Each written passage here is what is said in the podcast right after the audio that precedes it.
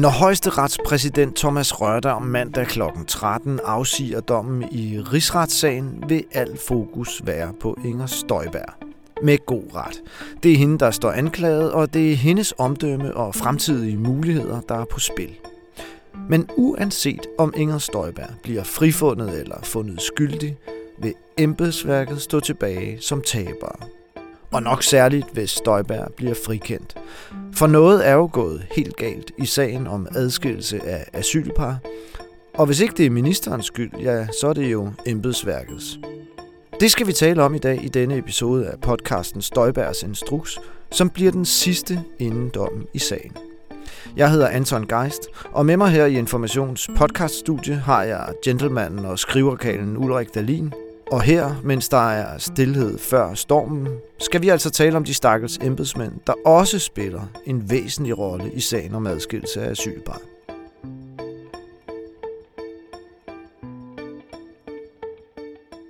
Det er ikke rigsretten, der afgør embedsmændenes skæbne. Det skal deres arbejdsgiver, når rigsretten er overstået.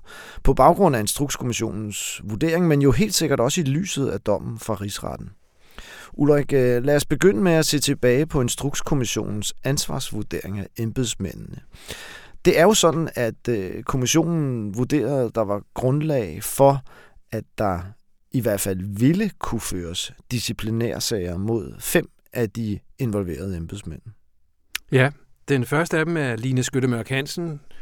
Hun var afdelingsleder i Udlændinge- og Integrationsministeriet. Og den næste er Lykke Sørensen, som også var afdelingsleder i ministeriet. Så er det en kontorchef, øh, altså dengang kontorchef, Jesper Gori.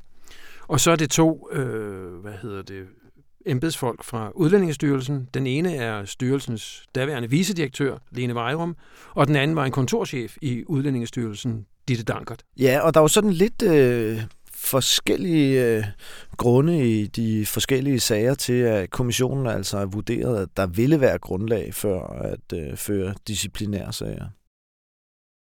Ja, hvis vi nu starter øh, fra toppen, jeg også. Øh, så har vi Line Skytte Mørk Hansen. fra toppen.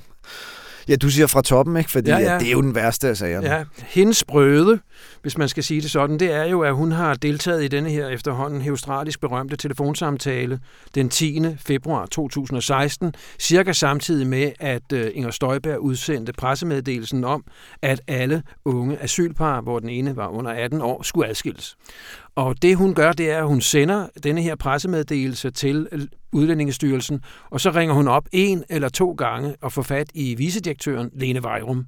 Og øh, der er forskellige, det har vi også været inde på flere gange i podcasten her, der er forskellige versioner, eller sagt, der er to modsigende versioner om, hvad der bliver sagt under denne her øh, telefonsamtale, eller de her telefonsamtaler.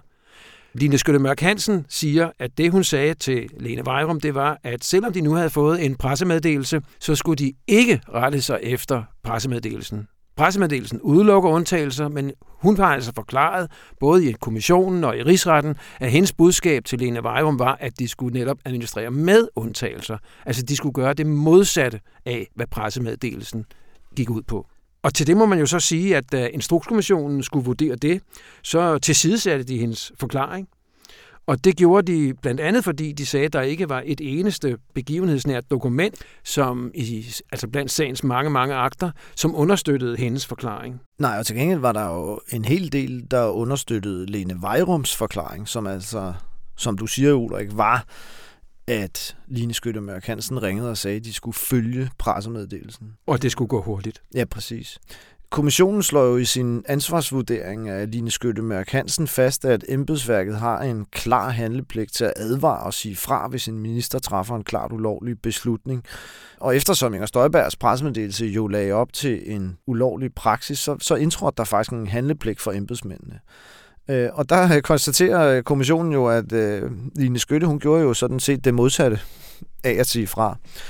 Hun handlede i stedet for i strid med de pligter, der gælder for embedsværket, som kommissionen skrev, ved i en eller to samtaler sig altså ligefrem at instruere Udlændingsstyrelsen i denne her ulovlige praksis. Ja, og det vurderer øh, kommissionen alt i alt til, at hun har tilsidesat sine pligter i en grad, som er, hvad hedder det, er betydende grovhed, og derfor er der grundlag for, at det offentlige søger at drage hende til ansvar. Og det der med betydelig grovhed, det vender vi tilbage til lidt senere. Så er der Lykke Sørensen, den anden afdelingschef i ministeriet, som øh, jo spiller en noget anden rolle i sagen. Øh, det er jo hende, der øh, blandt andet er kendt for, at hun vil det her også meget omtalte koncerndirektionsmøde sagde til Inger Støjberg ifølge sin egen og også andre af deltagernes forklaring, at ligegyldigt hvad Inger Støjberg siger, så skal en minister altså følge danske og internationale regler og love. Og da hun jo blev afhørt i, i Instrukskommissionen, så sagde hun, at det var øh, en usædvanlig ting, for det var ikke hver dag, at man var nødt til at sige til sin minister, at man skulle overholde landets love. Det var for så vidt også på det samme møde, hvor der var flere, der mente at kunne huske, at Inger Støjberg havde sagt til Lykke Sørensen, at når du kan godt lide barnebruget, fordi hun altså insisterede på, at den ordning, der skulle være, at den skulle være med undtagelser, hvis den skulle være lovlig. Ja, og om øh, Lykke Sørensen, øh, der kan man sige, at kommissionens vurdering ligesom falder i to dele. Altså, der er forløbet op til, at øh, pressemeddelelsen øh, blev udsendt, den her undtagelsesfri pressemeddelelse, og så er der det efterfølgende forløb. Og øh, der får øh, Lykke Sørensen øh, kritik for øh, ikke at have været tilstrækkeligt klar i sine advarsler op til udsendelsen af pressemeddelelsen.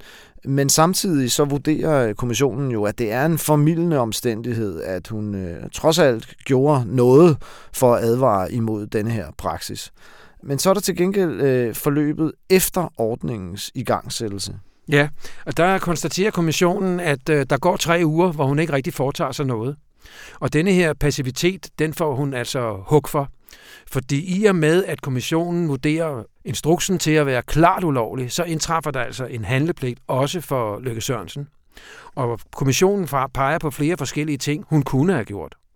Hun kunne for eksempel have sørget for at øh, række ud til Udlændingestyrelsen, skriftligt gerne, og sige, at øh, de skulle være klar over, at den administration, de skulle gå i gang med, skulle være med undtagelser.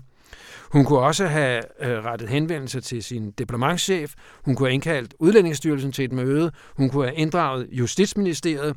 Og i sidste ende, skriver kommissionen, så havde det været hendes pligt, hvis ikke noget af det her førte til noget, da at gå til statsministeriets diplomatschef Christian Kjell Thomsen og sige, jeg har en minister, som ikke vil rette sig efter landets love. Og der er vi jo for øvrigt inde og tale om noget af det, som også er relevant i forhold til vurderingen af Støjbergs skyld. Altså at en afdelingschef, som vel og mærke galt for at være ministeriets sådan kronjurist, hun får kritik for ikke at have sagt fra over for en praksis, som man mente var ulovlig. Altså, øh, Støjberg fik det simpelthen ikke at vide, og det er jo relevant i forhold til vurderingen af Støjberg. Altså, at der ikke rigtig, hverken fra Lykken Sørensen eller andre, var nogen, der gjorde klart, at man mente, der var en ulovlig praksis. Det mente Lykke Sørensen så heller ikke ifølge sin egen forklaring, men Instrukskommissionen vurderer nu alligevel, at det må have stået klart for hende, når hun skulle have advaret om det. Nå, men så er der øh, Lykke Sørensens rolle i forhold til orientering af Folketinget og ombudsmanden. Der vurderer kommissionen, øh, at hun øh, bidrog til at give vildledende oplysninger til begge instanser, øh, og at hun i hvert fald ikke udfoldede tilstrækkelige bestræbelser på at forhindre, at der blev afgivet urigtige oplysninger øh, til ombudsmanden. Og alt i alt, øh, så når kommissionen altså også frem øh, til, at de her tilsidesættelser, de er en sådan grovhed, at, øh, at der er grundlag for, at man kan forsøge at drage hende til ansvar, altså at man ville kunne føre en disciplinær sag imod hende. Ja, så kommer vi så til Jesper Gori, som altså var ham kontorchefen, som måske er bedst kendt i offentligheden, fordi han på mange af de samråd, som øh, man kan se på Folketingets intern tv, der sad han ved Inger Støjbergs side, når hun var til de her timelange samråd. Og når Inger Støjberg blev bombarderet med kritiske spørgsmål fra oppositionen, så sad han med en hel masse små kort, hvor der var skrevet sådan mulige svar på mulige spørgsmål ned, og fandt det rigtige frem og rakte det til ministeren. Ikke?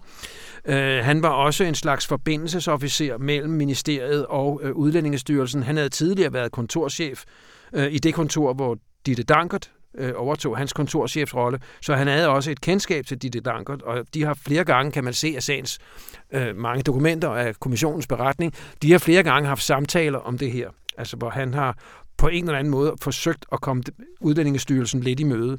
Men øh, ligesom Lykke Sørensen, så får Jesper Gori altså også kritik for, at hans øh, rådgivning af ministeren ikke har været fyldskørende og han får også, ligesom Lykke Sørensen, kritik for øh, passivitet i ugerne efter udsendelsen. Øh, men kommissionen finder alligevel samlet set, at der ikke er grundlag for at pålægge Jesper Gori et øh, ansvar. Og det gør de blandt andet, fordi at øh, det må tillægges betydelig vægt, som kommissionen skriver, at han faktisk i flere omgange, på, i hvert fald på to møder med Inger Støjberg, forsøgte at klargøre for ministeren, at der skulle være en lovlig ordning. Og endelig, og det tror jeg også spiller en rolle for kommissionens vurdering, så har han øh, fået støtte fra Lykke Sørensen, altså afdelingschefen, som var hans overordnede, om at det, han havde gjort, var fyldskørende. Mm. Men så er der jo ligesom i øh, hans forsatte øh, Lykke Sørensens øh, tilfælde, altså det her med orienteringen af Folketinget og ombudsmanden. Og øh, det falder han så til gengæld på, fordi der vurderer kommissionen altså, at han har deltaget i at øh, føre de her instanser bag lyset ret beset. Og af den grund vurderes det altså også, at man vil kunne føre en sag mod ham.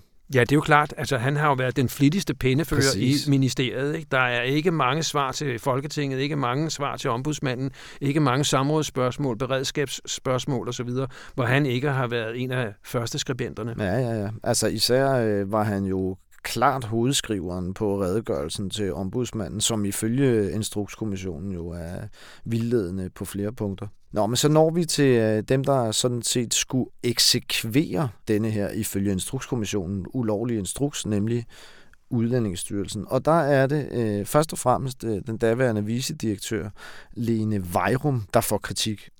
Instrukskommissionen vurderer, at den instruks, de fik, den var klart ulovlig. Og der er det jo sådan, at når embedsmænd modtager en klart ulovlig instruks, så ophører deres lydighedspligt, og så indtræder der sted for en pligt til at sige fra. Men det gjorde Lene Vejum ikke. Vi har jo talt det om det nogle gange her i podcasten. Altså det, de gjorde i Udlændingsstyrelsen, det var, at øh, de forsøgte at efterleve instruksen sådan delvist og så delvist at modgå den for at undgå de værste ulovligheder. Altså, de ventede med at adskille de par, hvor de mente, at det klart ville føre til lovbrud, og så gik de i gang med at adskille nogle par, øh, hvor det ikke var så indlysende, at der ville ske konventionsbrud. Men altså, Instrukskommissionens vurdering er, at praksisen var klart ulovlig. Og det er også klart, at i de sager, hvor Udlændingsstyrelsen mente, at der kunne man godt adskille, uden at det var helt galt. Der, der var adskillelserne ulovlige alene, fordi at det ikke levede op til forvaltningsrettens øh, krav om partshøring. Og der er kommissionens klare vurdering, at det skulle hun. Hun skulle have nægtet at medvirke til en adskillelse af de her par, og hun skulle kraftigt have gjort ministeriet opmærksom på, at det vil de altså ikke. De opfatter det her øh, som en ulovlig ordre.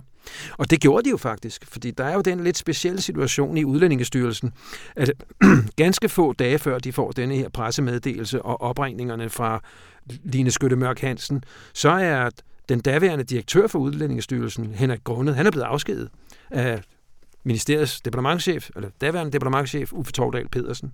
Og han er for i stedet at vide, at han skal stoppe per 1. marts, og han skal overflyttes til statsforvaltningen i Åben Rå, og øh, det gør nok, at øh, Lene Vejrum har følt sig noget alene af på chefgangen i Udlændingestyrelsen, i og med, at Henrik Grundet jo nærmest stod, ikke med et ben i graven, men altså med et ben på vej ud af butikken. Er det for noget københavnersnak? Han skulle bare til Åben Rå. Ja. Men jeg synes, Ulrik, at øh, det er jo rigtigt, altså, at hun, øh, han, han er væk, og lige pludselig så står hun med det overordnede ansvar for denne her sag, og det er vel første gang, hun gør det, og skal hun så som sin første embedshandling sige fra over for øh, departementet og sige, hun øh, mener at være blevet pålagt en ulovlig ordre. Det, øh, det gjorde hun øh, ikke, og det er måske heller ikke helt uforståeligt. Nej, og der er jo også det at sige til det, som jeg også har været inde på flere gange, at øh, Instrukskommissionen ser jo på et forløb, der er overstået. Hvorimod Lene Vejrum og alle de andre embedsfolk, de har jo stået i det og oplevet det ind af forruden. Ikke? Altså, de vidste ikke, i, hvad der ville ske i morgen og i morgen og i overmorgen osv. Øh, bagefter, så kan man sagtens se, at når det skulle de have gjort mm. bedre og anderledes og sådan noget der, men mm. de har jo ikke oplevet det sådan. Noget af det, som kommissionen lægger vægt på i forhold til uh, Lene Vejrum, det er jo, at, uh, at i stedet for at sige fra, så foretog de et meget intensivt indgreb i en sårbar persongruppes grundlæggende rettigheder, som kommissionen skriver. Og det er jo rigtigt, altså det, det var en sårbar gruppe, så, og man gik altså i gang med at adskille de her par, der lige var kommet fra slagmarkerne i Syrien osv. Øh, kommissionen den anerkender sådan set, at Lene Vejum, hun stod i en særdeles vanskelig situation, som den skriver, og at presset fra departementet var stort. Øh, den anerkender også, at medarbejdere i styrelsen øh, udfoldede bestræbelser på at pålægge nogle bestemte svære sager for ministeriet, og på den måde få ministeriet med til at øh, gøre undtagelser. Men alle de her bestræbelser var ifølge kommissionen helt utilstrækkelige i forhold til det, der var påkrævet i situationen, hvor styrelsen samtidig iværksatte adskillelserne i de øvrige sager, som kommissionen skriver. Og det er altså på den øh, baggrund, at kommissionen vurderer, at vejrumsforseelser også var af en sådan grovhed, at man kan drage hende til ansvar. Det gælder for øvrigt også i forhold til orienteringen af Folketinget og ombudsmanden, det her med, at øh, også Lene Vejrum altså deltog i at tegne et øh, vildledende billede af administrationen af ordningen. Ja, og så kommer vi så til Ditte Danker, den der var kontorchef. Hun får på linje med Lene Vejrum, hun får også kritik for, at hun ikke straks sagde fra og sagde under ingen omstændigheder, og det bliver ikke med med, med mig som deltager. Øh, hun burde have sagt klart fra, og hun burde have benyttet sig af de midler, der var osv., ikke? Og på linje med, med Lene Vejrum, så får Ditte Dankert også kritik for at have været med til at udforme, hvad hedder det, misvisende og ukorrekte øh, svar til såvel Folketingets ombudsmand som til Folketinget selv. Lige præcis.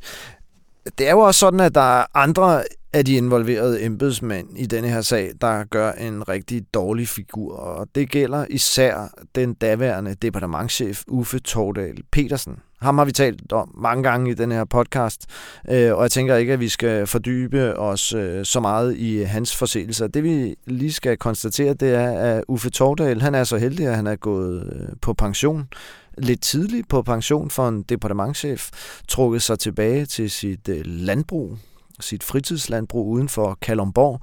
Og det er nok en meget god idé, tror jeg, fordi øh, han vil få en meget hård medfart af kommissionen. Det er der næppe tvivl om. Både for sin rolle i forhold til den ulovlige administration, og bestemt også i forhold til de vildledende oplysninger til Folketinget og ombudsmanden.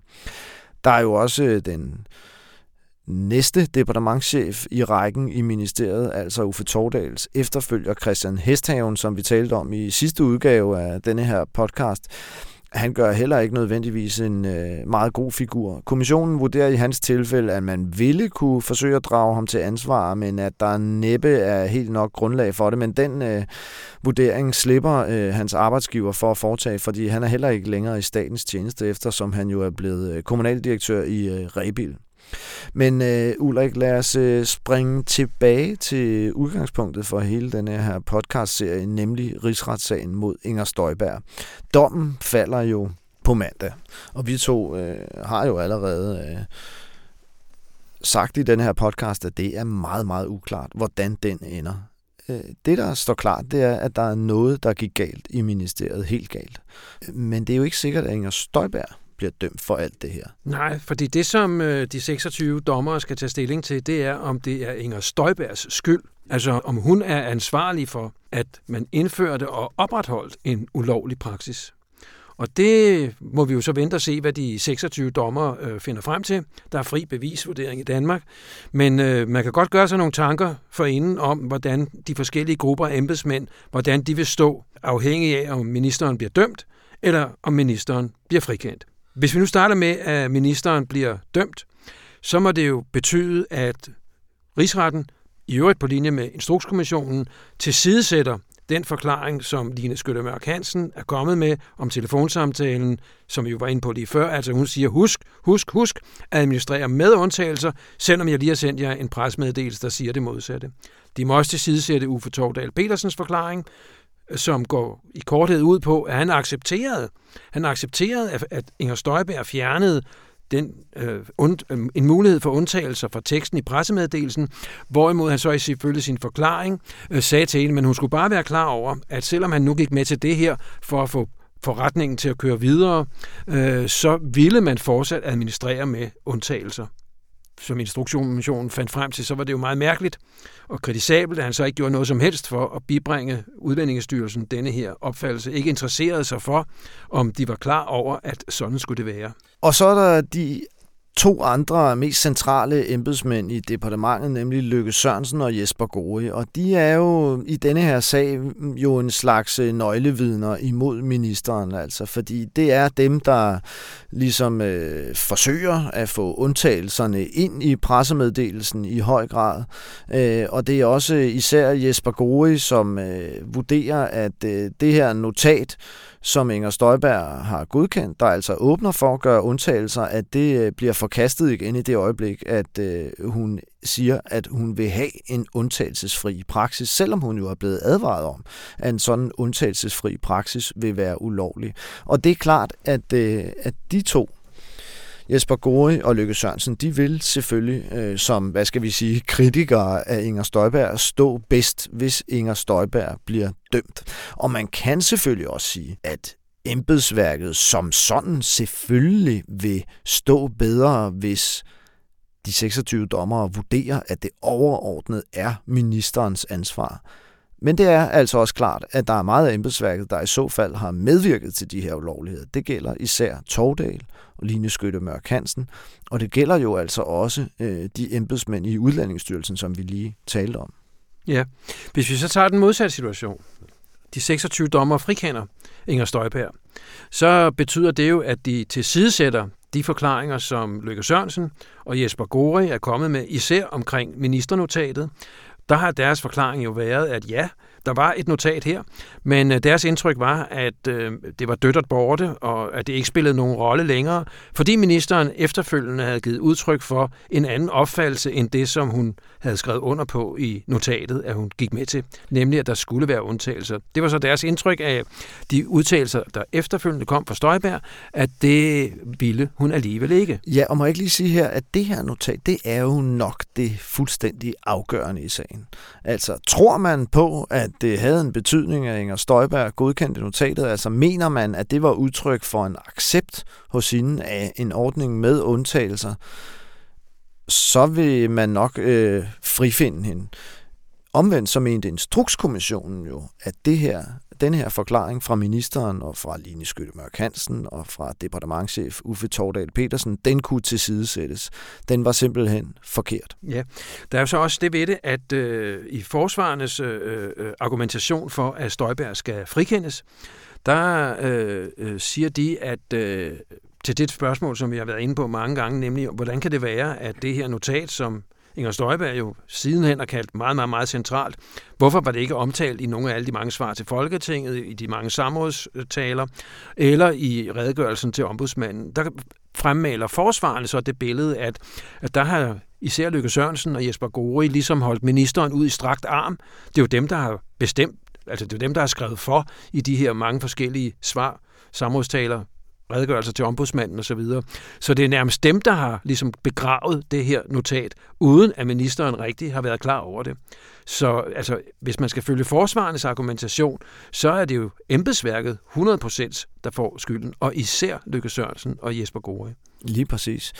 Øh, I forhold til det her notat, som altså bliver så afgørende, så tror jeg, at det er væsentligt lige at bemærke, at det her rigsretten er jo en slags straffesag. Det var instrukskommissionen, ikke? Og en straffesag, der skal enhver tvivl jo komme den anklagede til gode. Og det bliver jo enormt spændende, om dommerne mener, at øh, det er så indlysende, at det her notat, at man ikke kan tage det for gode varer, at man kan tilsidesætte Inger Støjbergs forklaring, eller man alligevel vurderer, at det er ikke utvivlsomt, at det ikke spillede en rolle. Ja, altså det er sådan, det er ud over en være rimelig tvivl. Den ja, ja, ud over en være rimelig tvivl. Ja, ja præcis, ja. præcis. Ikke? Nå, men øh, tilbage til hovedsporet. Vi var altså i gang med at redegøre for den situation, der kunne opstå, hvis Inger Støjberg bliver frikendt, og øh, rigsretten dermed vælger at lægge vægt på det notat, som er så centralt i hendes forklaring. Så er det jo ikke sådan, at det vil stille den gode Line Skytte Mørk Hansen især meget bedre, fordi øh, hvis rigsretten køber ind på præmissen om, at Inger Støjberg med sin godkendelse af det her notat accepterede en ordning med undtagelser, så er det jo meget svært at forstå, øh, hvad det er, Line Skytte Mørk Hansen efterfølgende gør. Fordi der er en hel del øh, vidneudsagn og beviser, der tyder på, at Line Skyttemørk Hansen ringer over til Udlændingsstyrelsen og siger, at de skal følge pressemeddelelsen, der foreskriver en undtagelsesfri praksis. Og det giver jo ingen som helst mening, hvis ministeren skulle have været indforstået med en praksis med undtagelser. Så ser det jo faktisk ud som om, at fejlen opstår hos den her afdelingschef, Line Skyttemørk Hansen, som altså så pludselig går hen og bliver en hovedperson i sagen, må man sige. Men det her er jo alt sammen gætværk. Hvad der til gengæld står fast, det er, at øh, de arbejdsgivere, som har de her forskellige embedsmænd ansat i dag, de skal efter rigsrettens afgørelse begynde at vurdere, om de vil føre disciplinærsager imod de her fem embedsmænd. Og der skal vi lige her til sidst i podcasten komme ind på en række omstændigheder, der kunne tilsige, at man alligevel ikke valgte at føre disciplinærsag imod dem. Ja, altså man skal måske også lige indskyde den enkelte bemærkning, at kommissionen, altså Instrukskommissionen, har anlagt et forsigtighedsprincip i deres vurderinger. Og de gør udtrykkeligt opmærksom på, at når de har skulle skrive det her, så kan der godt være de ting, der er gjort forkerte, som kommer til at fremstå hårdere end alle de ting, der er gjort rigtige. Men hvis vi nu tager et af de problemer, som øh, tårner sig op, så er det spørgsmålet om de urigtige oplysninger til Folketing og ombudsmand. Og øh, der er, som vi har sagt her, så har fire af de her embedsfolk, de har tilsidesat ifølge kommissionen deres sandhedspligt ved at have medvirket til at give urigtige oplysninger. Og spørgsmålet er så, om øh, hvilken betydning vil det få for de tjenestemandssager, der måtte skulle rejses. Og der er det så interessant, at der er faktisk en fodnote i Instrukskommissionen. Ifølge den her fodnote, så besluttede man... På 3579. Ja. Så til dem, der er kommet så langt. Ja, eller er lige i nærheden, så skynder jeg at læse videre.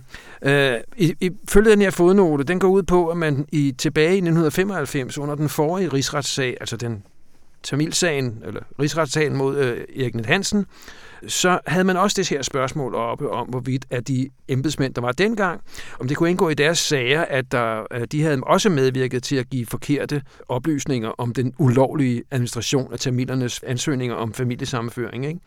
Og det mente man ikke dengang i 95, at man kunne.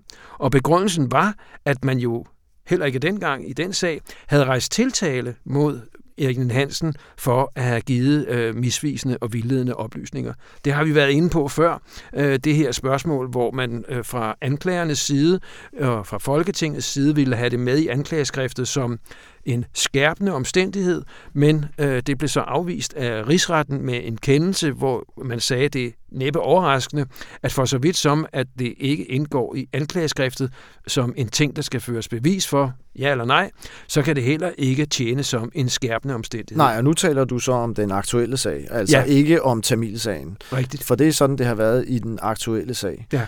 Øh, og spørgsmålet er selvfølgelig, er det rimeligt, at føre disciplinærsager mod nogle embedsmænd for vildledning af Folketinget, efter man har ført en rigssag, hvor, øh, rigsretssag mod Inger Støjberg, hvor man lige præcis ikke har holdt hende op på den her vildledning af Folketinget. Ja, men det kan man jo sagtens hurtigt komme til den konklusion, ja, det ville da være pløk urimeligt, at ministeren frikendes, hvorimod embedsmændene, ja. Øh, de skal op og hænge på korset. Men omvendt må man jo så sige, hvis det bliver, hvis det bliver konsekvensen... Det er ikke uproblematisk, det er det virkelig ikke, hvis man drog den konsekvens, nej. Nej, men, men det der er, er, er sagen, det er jo, at så bliver det jo gratis. Det bliver straffrit for alle de her embedsmænd at have fyldt Folketinget og ombudsmanden med løgn. Det er faktisk et dilemma, ikke? Fordi det er jo på den ene side rigtigt, at kan man virkelig føre sager mod embedsmænd for noget, som man ikke har vil øh, drage ministeren til ansvar for, for, det forekommer umiddelbart vanskeligt, men det er da oplagt også et problem hvis man ikke kan øh, føre sager mod embedsmændene for det. Fordi det er jo altså ikke sådan, at ministerne nogensinde bliver draget til ansvar for det her. Det er, der har været øh, to øh, rigsretssager i nyere tid. Det er jo ikke ret mange, og i ingen af de to sager har man altså øh, forsøgt at drage ministeren for, til ansvar for vildledning af Folketinget. Og så vil man jo sådan set etablere en situation, hvor det var straffrit. Ja, men lad os gå videre. Ja, for der er også andre øh, omstændigheder, der kunne gøre, ja. at man ikke alligevel vælger at føre disciplinære sager mod de her embedsmænd. Og det, der øh, spiller en rolle her, det er, at øh, hvis man skal gøre et tjenestligt ansvar gældende, så har øh, spørgsmålet om tiden, altså hvor lang tid det er siden, det spiller en rolle. Og øh, som enhver kan regne ud, så er det snart seks år siden, at det var øh, februar 2016. Og det vil sige, at når de her arbejdsgivere skal til at vurdere øh, deres, øh, deres øh, ansatte, øh, så skal det altså indgå i deres vurdering, at der er gået seks år siden denne her. Og det kan sagtens betyde, at, øh, at man vil droppe og rejse en sag, med mindre at der er tale om sager med øh, betydelig grovhed. Og netop det her med betydelig grovhed, det er jo også noget, som øh, kommissionen filosoferer lidt over øh, i sin beretning. Øh, og der gør kommissionen klart, at der er øh, nogle omstændigheder, som, øh, eller en række omstændigheder, som i nogen grad kan påvirke vurderingen af, hvor grov en fejl kan siges at være. Og det kan blandt andet hænge sammen med, om embedsmændene har handlet under tidspres, eller om der har været et særligt hårdt politisk pres på dem. Og man kan sige, at Instrukskommissionen er jo aller, aller hårdest ved afdelingschef Line Skytte Mørk Hansen. Altså, der når kommissionen jo frem til, at det er en tilsidesættelse af de tjenestlige pligter af en betydelig grovhed. Øh, det er hende, hvis forklaring Instrukskommissionen hældte fuldstændig ned af brættet, hendes forklaring om det her telefonopkald til Udlændingsstyrelsen. Og det var også sådan, at efter at Instrukskommissionen kom med sin beretning, så valgte man i Udlænding- og Integrationsministeriet at hjemsende Line Skytte Mørk Hansen som den eneste af de her embedsmænd, øh, hvilket jo også er en indikation på, at hun selvfølgelig er den, der i allerhøjeste grad er i fare for en tjenestemandssag. Øh, hun er sidenhen så vendt tilbage som, hvad er det, Ulrik? Er det ikke i uh, øh, IT-chef uh, eller I, et eller andet? Nej, hun er, stadigvæk, hun er stadigvæk uh, afdelingschef, men ja, med et meget, meget, meget, meget mere end af gavn, tror jeg. Med et meget reduceret arbejdsfelt, nemlig IT. Ja, og øh, hun øh, kan jo nok i særdeleshed regne med, at øh, der venter en tjenestemandssag på hende på den anden side af det her, hvor det nok i de fire andre tilfælde er mere tvivlsomt. Ja, og nu vil det jo være sådan, at med al den her opmærksomhed, der kommer på mandag om rigsretsdommen, så vil der være meget, meget mindre opmærksomhed omkring øh, disciplinærsagerne. Det kan sagtens være, at det går med dem, ligesom det gik i ja. statsløse-sagen, som du sikkert husker, Anton. Ja, det jeg husker øh, det godt. Der får man bare et resultat at vide. Man får ikke indsigt i det, man kan ikke få aktindsigt i det. der bliver jo faktisk heller ikke ført egentlige disciplinærsager. I stedet for, så bliver man jo simpelthen enige om, at øh, degradere øh, afdelingschef Kim Lunding og degradere øh, den daværende departementchef Klaas Nilas, som så sidenhen er trods alt er kravlet op til en stilling som øh, direktør for den nye øh, hjemsendelsesstyrelse, så det er da ikke fordi det hvad, hvad kaldte jeg? Hjemsendelse. Oh, okay, hjem, hjem, det hedder den trods alt ikke. Nej. Hjemrejsestyrelse. Øh, så helt galt er det jo ikke gået for ham, selvom han aldrig er genindtrådt i kredsen af departementchefer lige frem. Og øh, jeg har tit tænkt på, øh, at det var måske en meget sådan belejlig måde at løse det her problem på, fordi så nogle disciplinære sager kan jo godt blive lidt beskidte. Altså det er jo mennesker, som øh, har viden om alverdens ting inden for ministeriet, og det kan godt være, at man ikke altid er så interesseret i at føre dem. Og det er embedsmændene jo heller ikke selv. Øh, så er det jo mere mindeligt, at man løser det med nogle degraderinger, og der sidder jo rundt omkring i ministerier og styrelser en hel del kommitterede embedsmænd. Som, og det der med at blive kommitteret, det er jo lidt sådan en... Øh, parkeringsplads for skandaliserede embedsmænd. Mm. Øh, og man kunne måske også godt forestille sig, at nogle af de involverede i den her sag ender som kommitterede rundt omkring. Ja, med opgave til at måle arealer på forladte skrivebord ja, og sådan noget. nummerpladekontoret ja. og ja. den slags. Ja. Nå, men det bliver vi jo alt sammen meget klogere på øh, efter på mandag. Ja, og der vil jeg så godt lige som en sidste bemærkning her indskyde, at hvis man som tilskuer vil overvære en rigsretssag, så er det altså sidste chance på mandag. Øh, det foregår i Ejkveds Parkhus. Der bliver åbnet fra kl. 12. Det er en time før domsafsigelsen. Der kommer med sikkerhed rigtig mange mennesker, så hvis man er sikker på at få en plads, så kom i god tid. Lige præcis. Du lyttede til Støjbergs Instruks, hvor Ulrik Dalin og jeg selv, Anton Geist, hver uge diskuterer rigsretssagen mod Inger Støjberg. Du kan finde os i din foretrukne podcastafspiller. Podcasten er klippet sammen af Anne Pilegaard. Rasmus Bo Sørensen er redaktør.